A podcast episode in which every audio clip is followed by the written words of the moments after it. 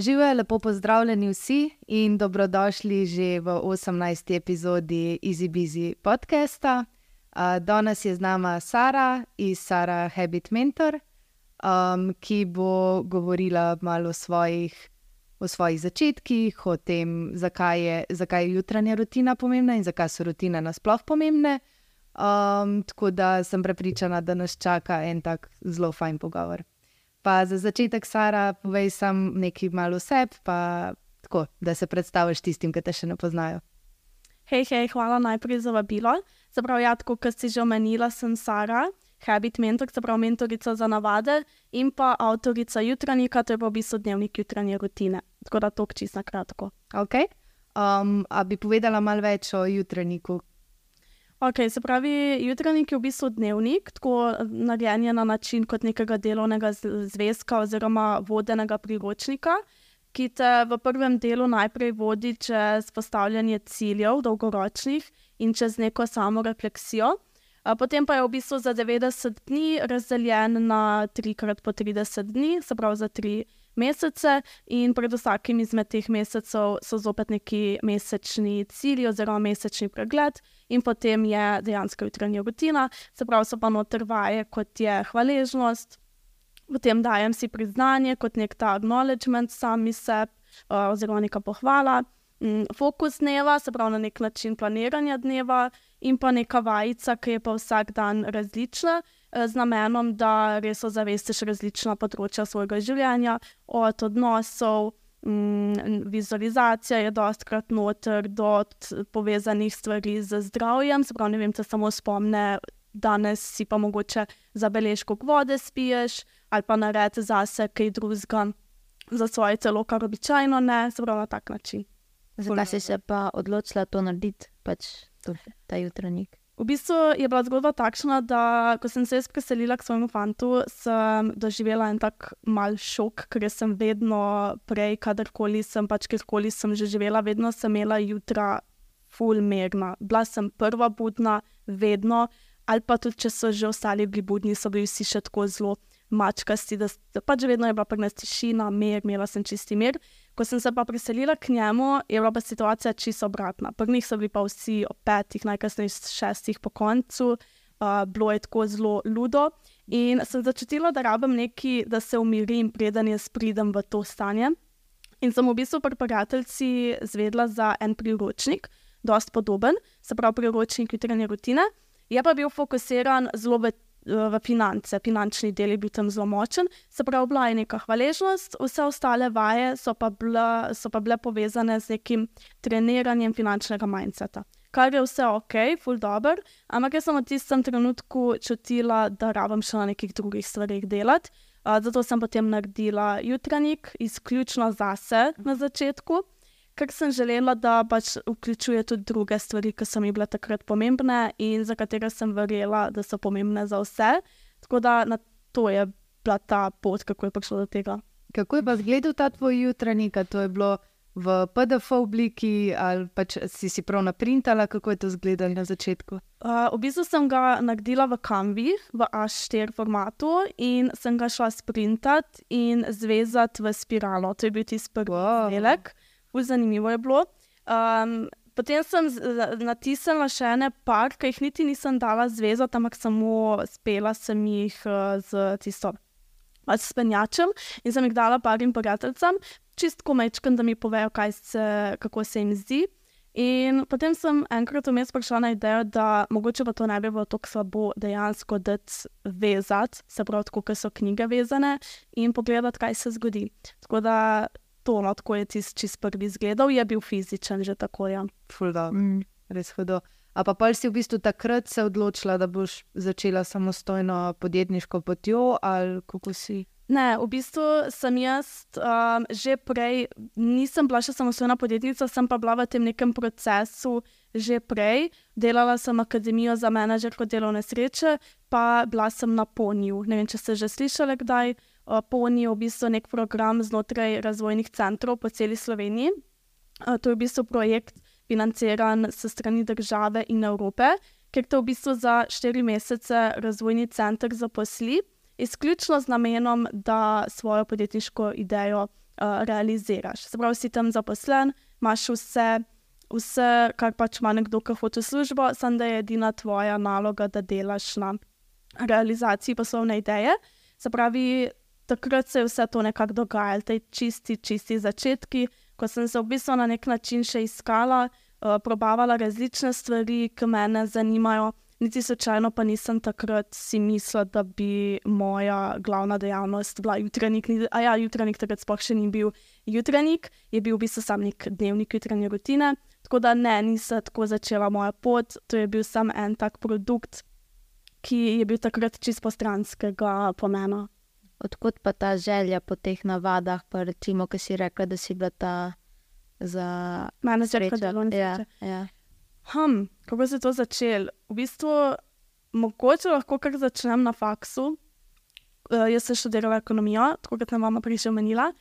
In v bistvu, jaz sem bila ena tistih, ki se ji je zdel ful čuden, da ne vem, kaj hočem v življenju početi. Tako ful mi je bilo zanimivo, ker so vsi moji sošolci točno vedeli, ali si želijo ne vem, delati v računovodstvu, ali si želijo delati v kadrovski. Jaz sem pa tako ful zgubljena. In nekako sem sčasoma prišla do tega, da mogoče pa so neke stvari, ki jih lahko počnemo na drugačen način, če pač vemo, kaj si želimo, da je najprej treba ugotoviti, kaj si želimo. In da, ko vemo, kaj si želimo, so ravno navade, oziroma te naše neke drugačne akcije, tiste, ki nas bodo do tja pripeljale. Tako da na ta način se je v bistvu sploh začel, da sem jaz začela razmišljati o tem, o delovni sreči, o navadah, o, neki, o nekem delu na sebi, na tak način. no. Okay. Kaj pa pol si pa rekla, da si šla v ta poni? Tako je. kaj si pa tam razvijala, kjer podjetniško idejo je bilo isto kot zdaj? Jaz sem se v bistvu tja prijavila z podjetniško idejo. Mislim, da sem ji dala naziv zunanji menedžer delovne sreče, oziroma zunanja menedžerka delovne sreče. In tekom ponija sem potem, ko me je začela to akademijo delati. In mislim, da že tekom ponija, pa potem takoj po poniju, oziroma v tistih mesecih po poniju, sem tudi na ta način začela. Se pravi, sem izvedla nekaj strategij zavzetih zaposlenih po parih podjetij. Uh, po parih podjetjih, potem, ker je bilo to ravno poletje, sem šla potem bolj s tem nekim team buildingom, z, na, z namenom povezovanja zaposlenih. Tako da sem nekaj team buildingov uh, tudi naredila še z eno kolegico, s katero smo takrat skupaj delali. Potem sem pa počasi ugotovila, da je to po eni strani ful veliki čevlji so, v katere se spraviš, da greš tako kot neka mlada punca, brez nekih res ogromnih izkušenj, eh, konkurirati na takem velikem trgu in res v podjetja iti delati. In po drugi strani sem res še vsem bila strastna do Instagrama, do tega posamezniki, individualnega dela. In pa na koncu, ki je pa še jutranjik, uh, nekako se rodil v vsem tem, sem pa nekako čutila, da želim delati bolj na, z posamezniki, bolj kot z nekimi večjimi podjetji in tudi lažje, bomo iskreni. Okay. A pa, ki si rekla, da so bili kar veliki čevlji, a ne? ali si čutila tudi kakšen pritisk, zato ker si bila mlada? Pa... Ja, mogoče tudi, ker sem res imela takrat samo nekje dve, tri leta izkušenj na tem področju, definitivno to. In kot nekdo tak, ki mogoče nima toliko velikih izkušenj, ne pristopiš tako samozavestno mm -hmm. do podjetij, oziroma m, kako bi rekla, naporno je. Dejansko moraš ti res pristopati do direktorjev, ki imajo večja podjetja, ki imajo sploh podjetja, ti pa si ena mlada punca. In mogoče je tudi to bila ena stvar, no, ki je bila takrat to vera, oziroma da me ni več tako potegnil, ker mi ni bilo tako lahkotno, ni mi bilo to, kar bi z največjim veseljem počela. No. Ja, ja. Pa to si sama iskala podjetja, pa jim pisala ali kako. Ja, večinoma sama. Čist na začetku sem kakšnega dobila tako prek priporočila ali pa koga, ki sem vsaj malo poznala, tako da dobiš čisto prvo izkušnjo, drugače pa sama. Ja. In to za takrat, to mi je bilo res tako, je kar trd oreh, da greš ti pisati podjetjem, jih klicati. Um, povedati, kaj počneš, če jih zanima, kaj ta zgra. Tako da zdaj, v bistvu, ko gledam za nazaj, se mi zdi, da že to, da sem imela neke uspešne posle, takrat sklenjene, da je že to tako, kar uspeh. Ja, ja. Ja, rekla. sigurno. Ja. Mislim, si pa prek tega sigurno zrasla kot oseba. Verjetno ti zdaj ful ni tako težko več stvari delati, takih, da ne vem, pišeš nekomu čist tretjemu ali pa tako. Ja, dejansko je res. V bistvu mi marsikaj kdo reče, marsikdaj mi kdo reče, kako je zanimivo, da, da jaz pač res nimam več tega nekega filtra, kdo je kdo. Da res je ful veliko oseb, ki jim marsikdo mogoče ne bi, pa sem jaz tako, se kaj češ pa zgubiti. Ja. Smo se recimo, imamo šest podjetnic, podjetniško kavico, se vsak teden dobivamo in so želele zdaj enih par takih, mogoče malo bolj uspešnih podjetnikov, da bi se z njimi dobile um, in da bi skupaj kaj predebatirali. In smo skupaj prišli na idejo enega podjetnika, ki ga spremljamo ker ima tudi svoj podcast in tako naprej. Ne vem, se verjetno lahko povem, pač Jurela Harnar. In sem jaz rekla, ej, ni panike, mu bom jaz pisala. In sem mu pisala, če bi se on hotel nam pridružiti online enkrat, da pač gremo mal čez. In je on meni odpisal, ej, ni panike, vi kar pridite tako eno pisarno, se bomo mi podvenili. Tako da, ful zanimivo mi je, no, kako ti potem to odpre neke nove priložnosti, ki si upaš pač um, iti ven iz te neke cone. Mm. Pa sej tudi se mi zdi, tako podjetniki ste, ali pa mogoče smo, no, kakorkoli. Zelo se mi zdi odprti, pa da pač radi med seboj sodelujemo, pa si pomagamo. Mogoče je to neka stigma, ki jo ima večina ljudi, da pač mislijo, da so to zaprti ljudje, pa da so ne vem, mogoče polni same sebe, samih sebe ali kakorkoli, ampak se mi zdi, da je lih obratno. Ja. Ja, dejansko je res. Tudi, ko kdo kdaj meni piše, če bi mi bilo ok, ali pa če bi, ne vem, čist banalen primer, če bi dala jutranjik v nagradno igro ali pa v dobrodelne namene ali pa karkoli. Pa tako, ker malo za zadržkom piše, ampak ja.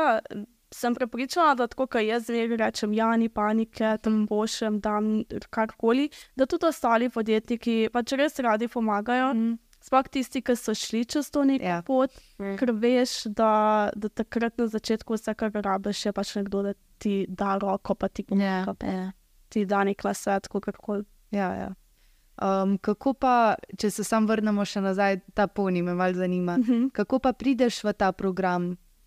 Um, v bistvu je kot nek razpis, prijavijo se, pač prijaviš se na razpis in mislim, da, do zdaj, da je v bistvu po vseh krajih po Sloveniji bilo tako, da so jih sprejeli 12 naenkrat.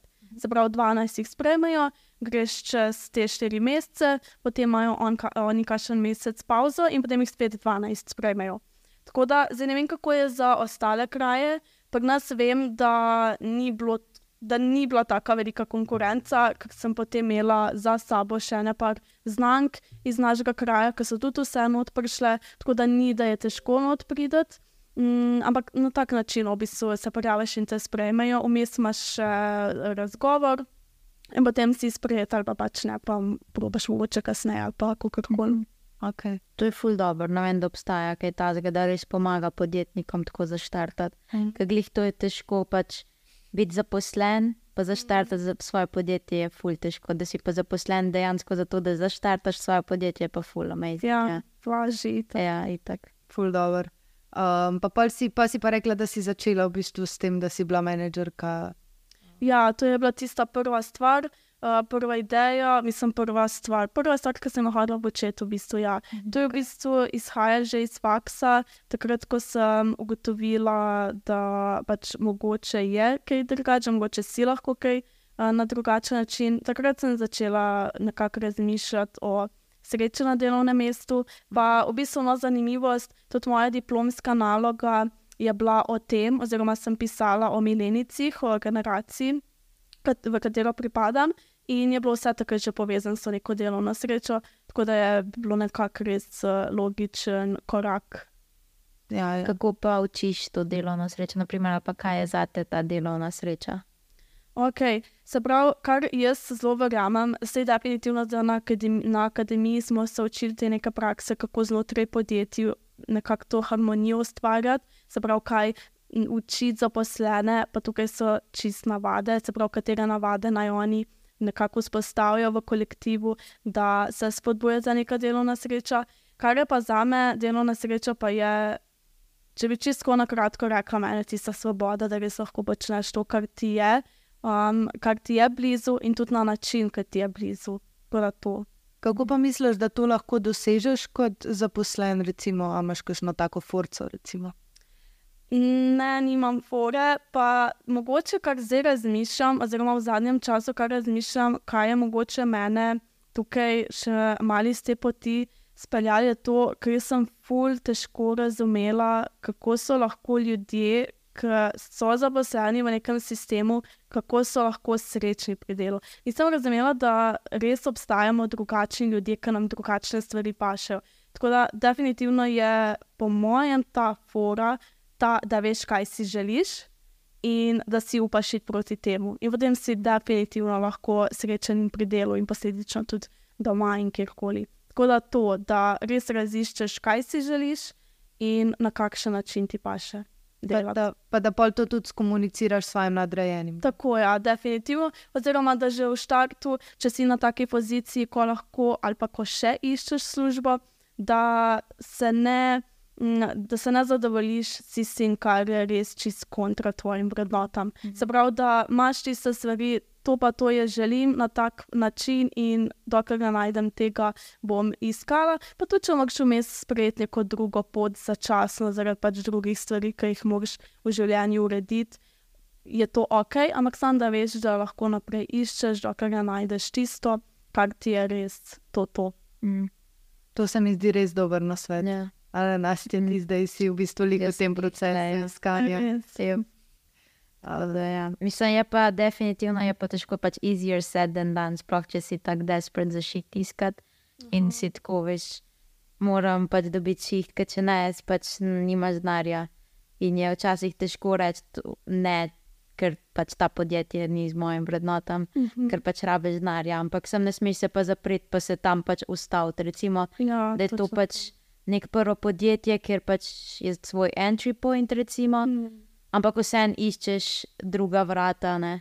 da se ti malo odpre, pa pol pač vidiš, da boš enkrat boš najdel neko podjetje, sem ne smeš si zapreti teh vrat, se mi zdi. Ja, pa moraš gledati na to kot na izkušnje, mm. ker ti mm. bojo mogoče glih te odprle pot k nekemu drugemu podjetju. Tako da ja, definitivno. Mm. Točno tako je. Ja pa tudi spoznaš tu nekih novih ljudi, mm, ki ti yeah. hoče lahko odprejo vrata yeah. Ja. kam čez drugam. Pač ja, ja, definitivno.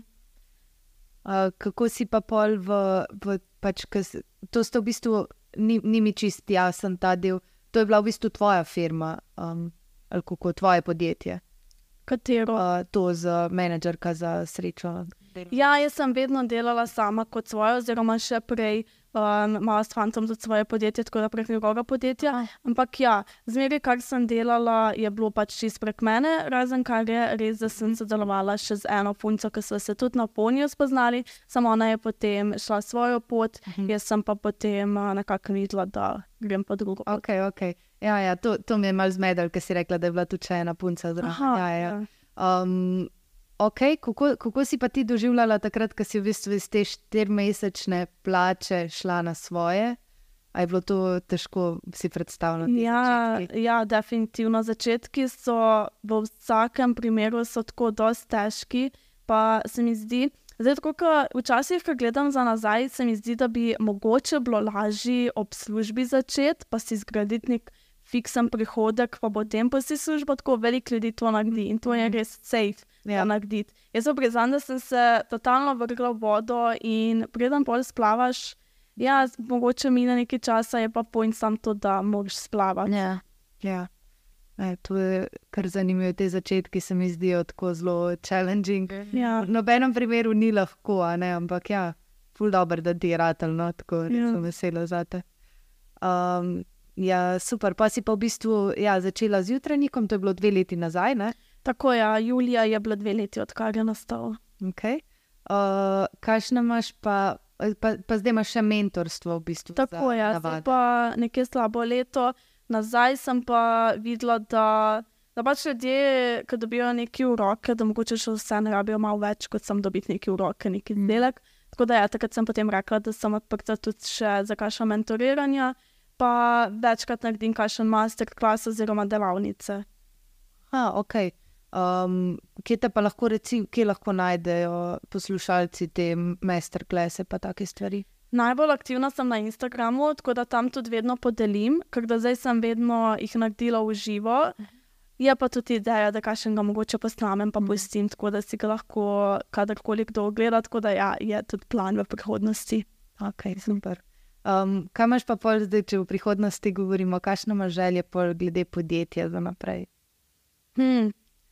Definitivno rasteti na tak način, kot je zdaj. Se pravi, se mi zdi, da zdaj sem končno našla tisto pot, katero res čutim, na način, da, da si res ustvarjam to svobodo. To sem videla, da mi največ pomeni. Da karkoli že počnem, je tista svoboda.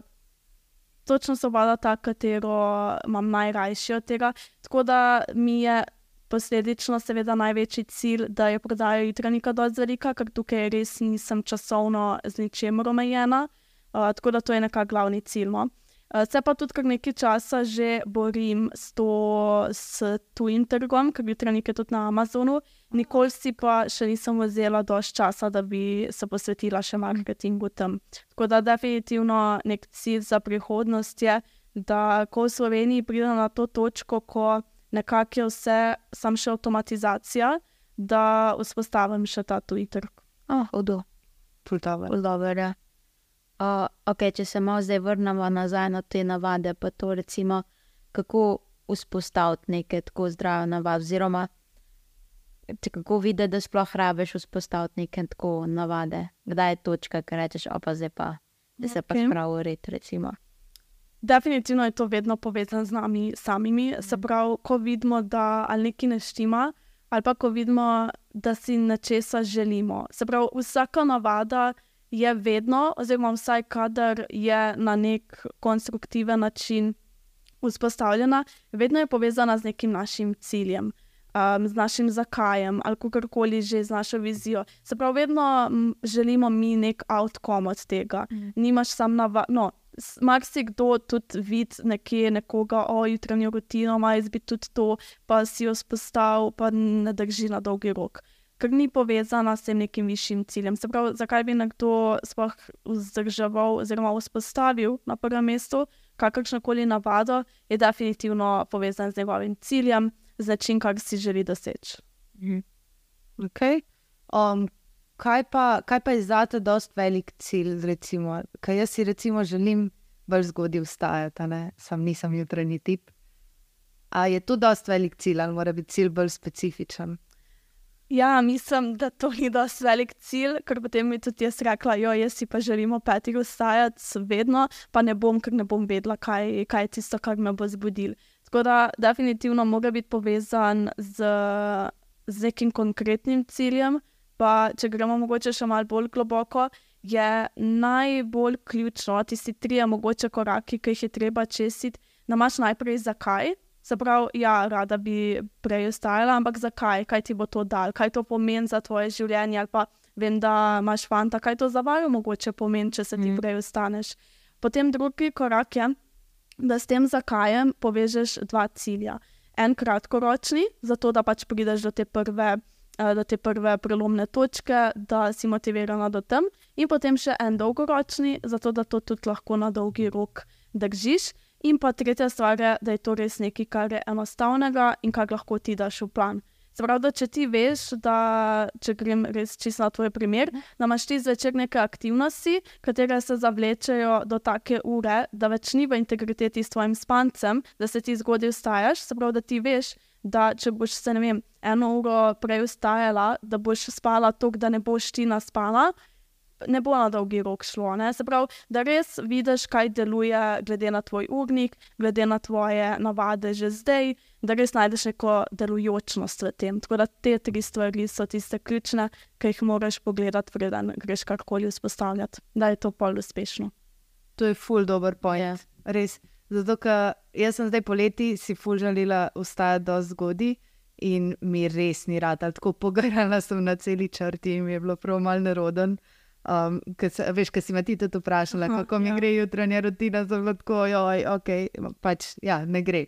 Um, in ja, dejansko je to zaradi tega, ker pač imela sem željo zjutraj vstati, ampak nisem vedela, zakaj točno. Pač ne rabim nujno zjutraj ja. vstati. Vse to je, ker želimo neke stvari samo zato, ker se nam zdijo fajn, Uh -huh. sam ni pa to mogoče tako s sabo povezano. Mogoče tebi veliko več pomeni, da lahko zvečer neki počneš do ne vem, malo dlje, pa pač zjutraj malo dlje spiš, pa imaš ok, boš imaš spanec, kar je na dolgi rok veliko boljš, kot če bi se ti obila za neko jutranjo rutino. Tudi če je jutranja rutina full ok, bi jaz rekla, da je tukaj tisti spanec še zmeraj stvar, ki je predpostavka pred tem. Se sto procentno strinjam. Ja. Kako pa recimo, če najdeš svoj zakaj, zdaj pa si se odločil, imaš ta cilj, recimo gremo glih ta primer, se hočem zjutraj zgodaj vstajati, ko eno uro prej, recimo zdaj sem se ob sedmih, zdaj se hočem ob šestih. Pa pač sem našla svoj zakaj, mi gre v urnik vse, kako zdaj to vzpostaviti recimo. Ok, se pravi, tudi če je vse poštimano in da ti res zdaj hočeš to narediti. Zdaj, jaz bi mogoče, tukaj je zelo različno. Tudi pri delu z ljudmi sem videla, da imamo ful različne, um, ne vem, stvari, ki so se nam v preteklosti dogajale, ful vplivajo na to.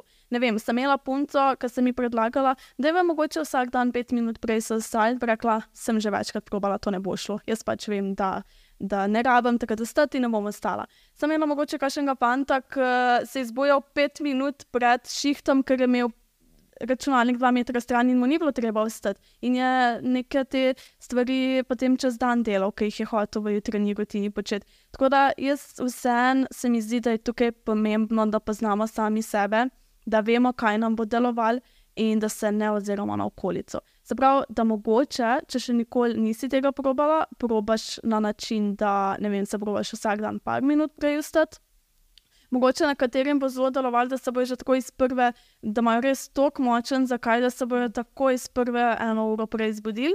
Sam se pa včasih tudi zgodi, da po parih dnevih to popusti. Tako da res najdete nek balans, kako bi to šlo, glede na to, kako mi je v preteklosti šlo, kako sem se sploh navajena zbujati, je to nekaj, kar enostavno prvi budilki skočem ali rabim ne vem, milijon dremežev. Tako zelo je odvisno od vsakega posameznika. Okay. Kaj pa recimo, če se jaz odločam, pa imam svoj močen zakaj, da vstajam ob petih zjutraj, moj fant pa vstaja ob osmih zjutraj. Ja, tudi tak primer sem še imela, ker ena punca ima fanta športnika in je on uh, pač ne rab se zbujati zjutraj. Ja. ona pa ful. In ne vem točno, kako je njej ratala, ampak je res se povezala s tistim ciljem, kaj si ona želi početi. Kaj, ne samo, kaj je njena jutranja rutina, ampak kaj na dolgi rok to njej prinese. In nekako je uspel. Res pa je, da je tukaj definitivno potrebnega ful nekega prilagajanja in usklajevanja v partnerstvu, in da mogoče ni tako zelo enostavno, definitivno pa se da.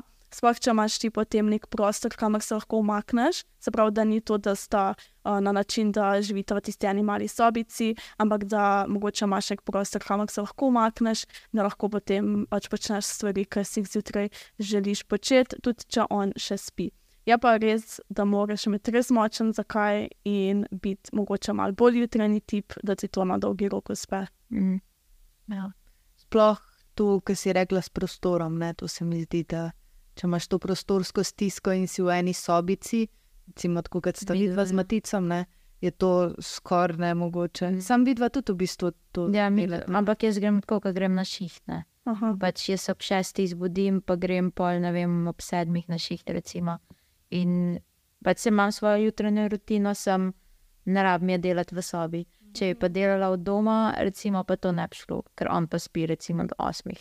Ja. Um, in to bi bilo pa malo težko, da bi jaz že začela delati, medtem ko on spi tam zraven mene. Ne. Ja, bilo take situacije so pol lahko dosti um, tako. Vi zato pravim, da je ful, ful je od posameznika odvisno, na Mm. kakšen način živi, na kakšen način je v sožitju z ostalimi, če živi z ostalimi, tako da je res ful individualno. Ja, se mi zdi, da je res tako čas, zdaj sploh, ko ima ta TikTok.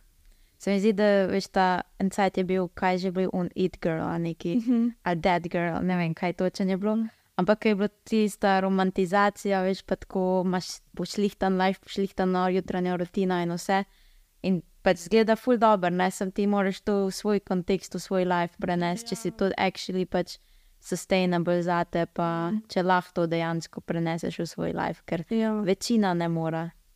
Definitivno je to res. pa se mi zdi, da na koncu niti ni cilj, da mi nekoga posnemamo, mm -hmm. samo Mhm. zato, da nekaj počnemo, ampak je res eh, tisto, kar podpira naše cilje. Se pravi, če si jaz želim biti fit, bom zjutraj telovadila zaradi sebe, ne zato, ker sem nekaj videla. Mm. In vse stvari, ki jih mi počnemo, da vzdržijo na dolgi rok, mora biti zaradi nas, ker to nas podpira, ker se mi vidimo takšne, kot si želimo biti v prihodnosti. Tako da, definitivno, mogoče je disclaimer, da ne posnemamo ljudi, ki jih vidimo na TikToku, ampak da si res vsako stvar tisto, Mhm. kar njemu deluje. Pa da se ne sekiramo, če vidimo, da ima nekdo boljšo jutro. Tako je, ja, definitivno. definitivno. Ker so res je bolj pomemben, kot si rekla. Najbolj pomemben od vsega se mi zdi, da dosti spiš, Mhm. Ja. pa pač seveda tudi, da si srečen na delovnem mestu. Uh, jutranja rutina se mi zdi, da je full fine, um, ampak če recimo res ne moreš imeti jutranje rutine, da se pač ne sekiraš. a Ne? Mm. Oziroma, da si narediš neko krajšo verzijo jutranje rutine. Definitivno, ker je ne rabiš, iskreno ne rabiš, v bistvu je noben skoraj ne rabno.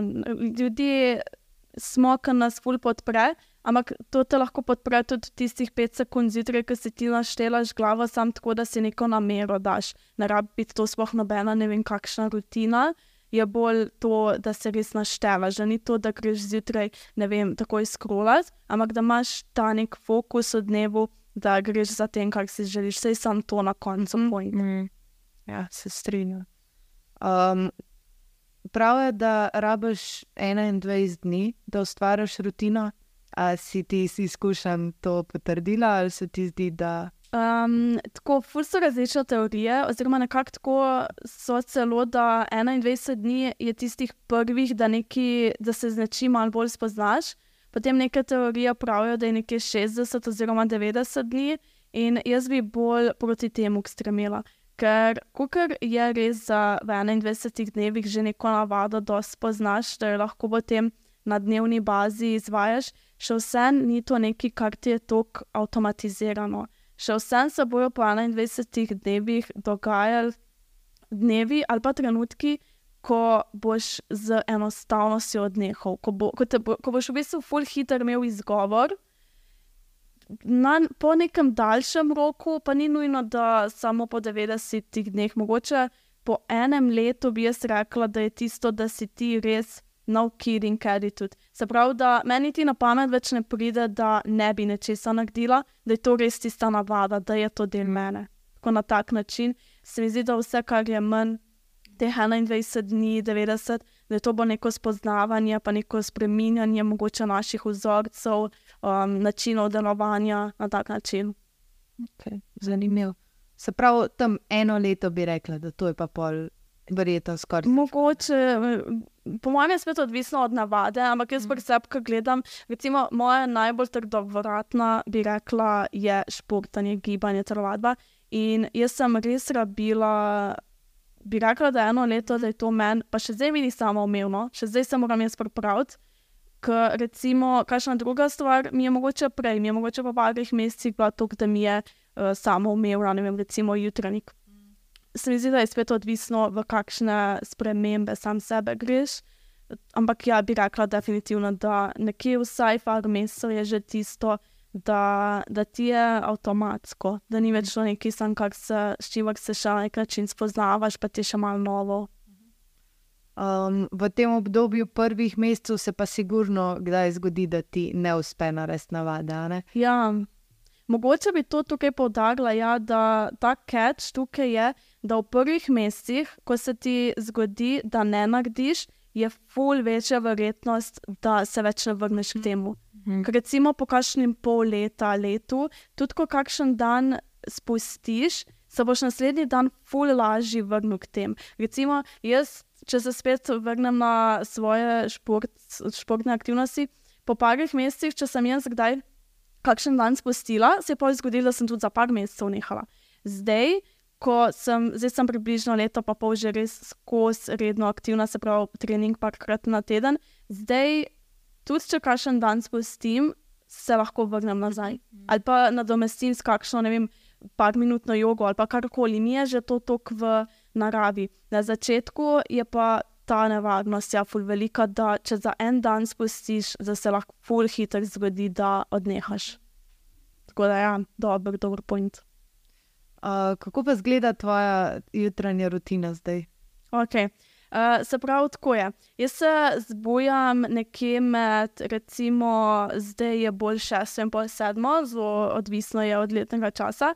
Jaz bom rekla, oziroma lahko priznam, da je velik del tega, zato ker moj fant hodi v službo. Se pravi, imam ta nek, kljub temu, da se večinoma brez budilke zbujava, vseeno imam ta nek opomnik. Pač, če bi on spal do 8-9, ja, je spet vprašanje, če bi se jaz toliko enostavno zbujala zjutraj. Se pravi, se zgodaj zbujam tudi, tudi če se ne rabim. In v bistvu potem imamo zjutraj ta nek skupni čas, ko um, nagdim čaj, pripravim za zajtrk. In potem gre on vmes že v službo, jaz pa grem potem izpolnjevati jutranjik. Trenutno zraven poslušam še dispenzo, to se spremenja, se pravi, ni vedno enaka jutranja rutina. Trenutno poslušam zraven še dispenzo, in pa poslušam en krajši posnetek vizualizacije, ki sem si jo sama posnela.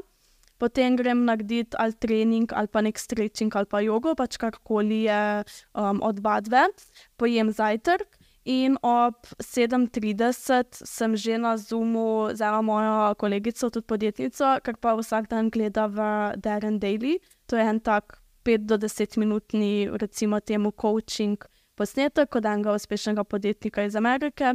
Tako da skupaj to pogledava, sem večkrat pomen, kaj so v posnetku zase slišali, in potem se zgodi, da ko končave me skupaj, imam še kakšen del jutranje rutine za oddelati, običajno je pa potem tisto, ko začnem svoj delovni dan. Um, a si me zdaj vprašala za jutranjo rutino ali za cel delovni dan? Uh, zdaj sem te za jutranjo rutino. Okay, sem lahko več tudi. Lahko, ja. ja zlahna, da Okej. greš. Ja. Um, se pravi, potem nekako imam zelo, zelo različno. Po pa res ali se lotim kakšnih stvari, običajno si že v koledarju prej ali pa zjutraj v jutraniku, prvi fokus dneva zapišem, kam imam ti dan za narediti, in nekje do recimo 11. Uh, delam te stvari.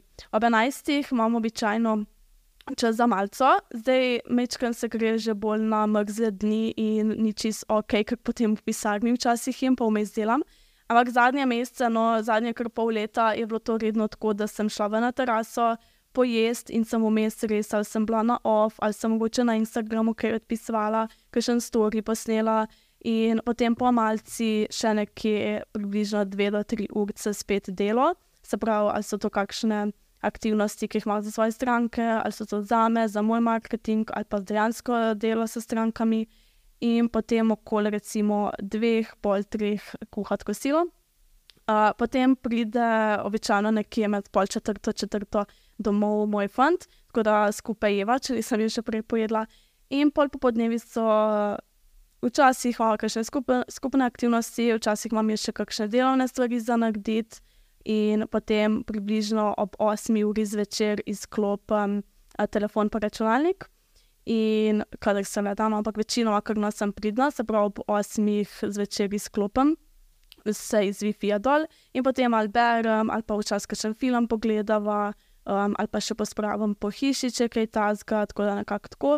Okoli desetih greva pa spat, tudi to skupaj hodva spat, kar je spet en full velik, um, bi rekla, razlog, zakaj res, uh, zakaj res greva nekako do zgodaj spat in se bolj tudi zbujava, da se enostavno. Tako da na tak način.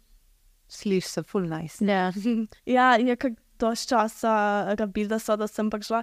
Sploh moram priznati, no, da ko sem jaz spoznala mojega fanta, jaz sem še mogoče dosti strukturirana, mogoče približno isto kot zdaj, on pa sploh ne, on pa pač je šel spat, ko je šel, zvečer je tako polno na telefonu bil, potem je še prižgan ga pusto zraven posla, da je vse utripal še celo noč. Tako da To je bil kar en tak proces, Mhm. da so prišla do tega zdaj, da ima recimo tudi on ob, mislim, da prav ob 22 nič nič uh, telefon javlja, če za spanje, tako da mora ugasniti. No, okay. A, ok, nisi ga pa mogla še prepričati, da ob 8 zvečer. Ne, ne, ne, to pa, to pa ne, to pa pač eh, njegova večerna rutina je, Ja, ja. kakšna je moja, pa pač, ja, to pa lahko počne kar če. Ja, ja, ok. Uh, kako pa to, da si se ti odločila ob 8 izklopiti telefon? Zato, ker sem videla, vse veste, kako je, ker se tudi obe obete v to, ko si skozi opet v te neke impulze, meni se je poznal, da nisem potem mogla zaspati, vsaj ne tako zgodaj, kot bi si želela, kar je posledično pomenilo, da se zjutraj nisem mogla vstati, kot bi si želela. Tako da sem videla, da je pri meni največji motilec tega, kdaj in kako grem zvečer spat, glih to, koliko sem priklopljena na impulze. Se pravi, koliko sem jaz skozi na obvestilih ali pa celo, da res visim na Instagramu, na mailih, da kaj odgovarjam. In ko velikokrat se zgodi, da pol nekaj vidim zvečer, pa hočem kar narediti, in pa se zavleče, in ni da grem spat takrat, ko bi si želela. Tako da sem res videla, da je to tista stvar, ki me zjutraj. Zvečer, no, ko me zvečer umiri, ker se res prisilim, da imam potem vsaj tisto eno uro čas, da se res umirim in da grem mirno spat, da zvečer vse poštimam, da ni tistega hitenja. Tako da to je bil glavni razlog. Mm. To ful, da razumem. Ja. Ja. Ja, nekako je izjutrajna rutina izhajala. No? Ker sem videla, da ko zjutraj, če si prvi del dela izklopljen, lahko res najprej narediš te stvari, ki so ti najpomembnejše.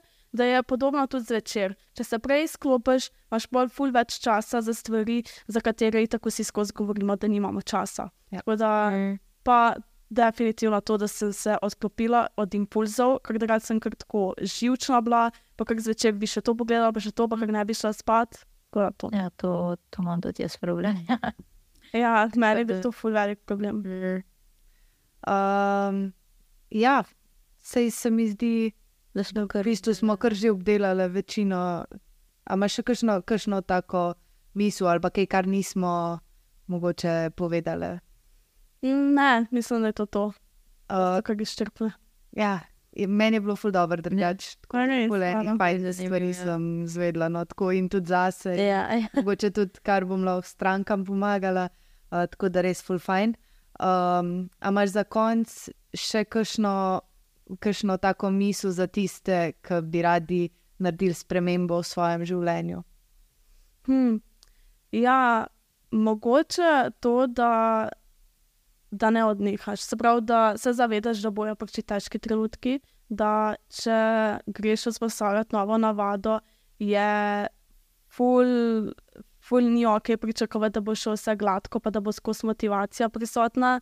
Ne, definitivno bo včasih zelo težko, ampak ko prideš čez ta del, čez ta nek mučni srednji del, je potem lušno, ko ti to postane avtomatsko in ko vidiš, ko prideš za nazaj, da si čist na drugi točki, kot če bi bil, če ne bi takrat vzpostavil nove navade. Tako da mogoče samo to, da bo težko, da bo definitivno ogromno stvari uh, šlo na robe, ogromno stvari bo treba mogoče se jim odpovedati na kratki rok, ampak ko pogledaš za nazaj, če je to res tisto, kar želiš, je definitivno vredno. Se pravi, smo spet nazaj pri tem, da moraš imeti dost velik zakaj. a ne? Mm, ja. Um, zdaj, čist za na konec, imam pa še pet vprašanj, okay. okay. quick fire questions. okay. Pa te prosim, da probaš sam čim bolj impulzivno, pa čim bolj hitro odgovoriti na ta vprašanja. Okay. Niso težka. Uh, če bi imela neomejeno denarja, kaj bi z njim naredila? Joj, po mojem, bi imela še eno hišo na morju. Okay. Um, kdo je tvoj number one vzornik? Hm, Aleksandar uh, Tasko je bil moj number one vzornik, ki mi je tudi pomagal priti na poni in me pol kasneje podprl, tako da bom njega rekla. Lepo. Najljubša knjiga. 5am Club. Aha, Ah, okay. um, kako bi se opisala s tremi besedami? Hm, organizirana, prilagodljiva, samo svojo. Ok, dobro. Um, pa še zadnje vprašanje. Tvoje idealno jutro. Hm, da se zbudim, ko se začne delati dan in da se bosa sprehajam po lesenih tleh, da vidim full narave zunaj, morje, definitivno, in da ne rabim nikjer v nobeni uri biti. Ti so dober. Ja, ja. Ej, Sara, ful, hvala, ja. Ja. da si si vzela čas, pa da si prišla tako v Ljubljano iz dolga mesta, to res ful cenima. Mm Mhm. -hmm. um, res nam je bilo fajn se s tabo pogovarjati. tako Ja. Da, ja, Hvala vama. ja, Hvala. Se- Pa se slišimo, ja. ja. Dio. Čau.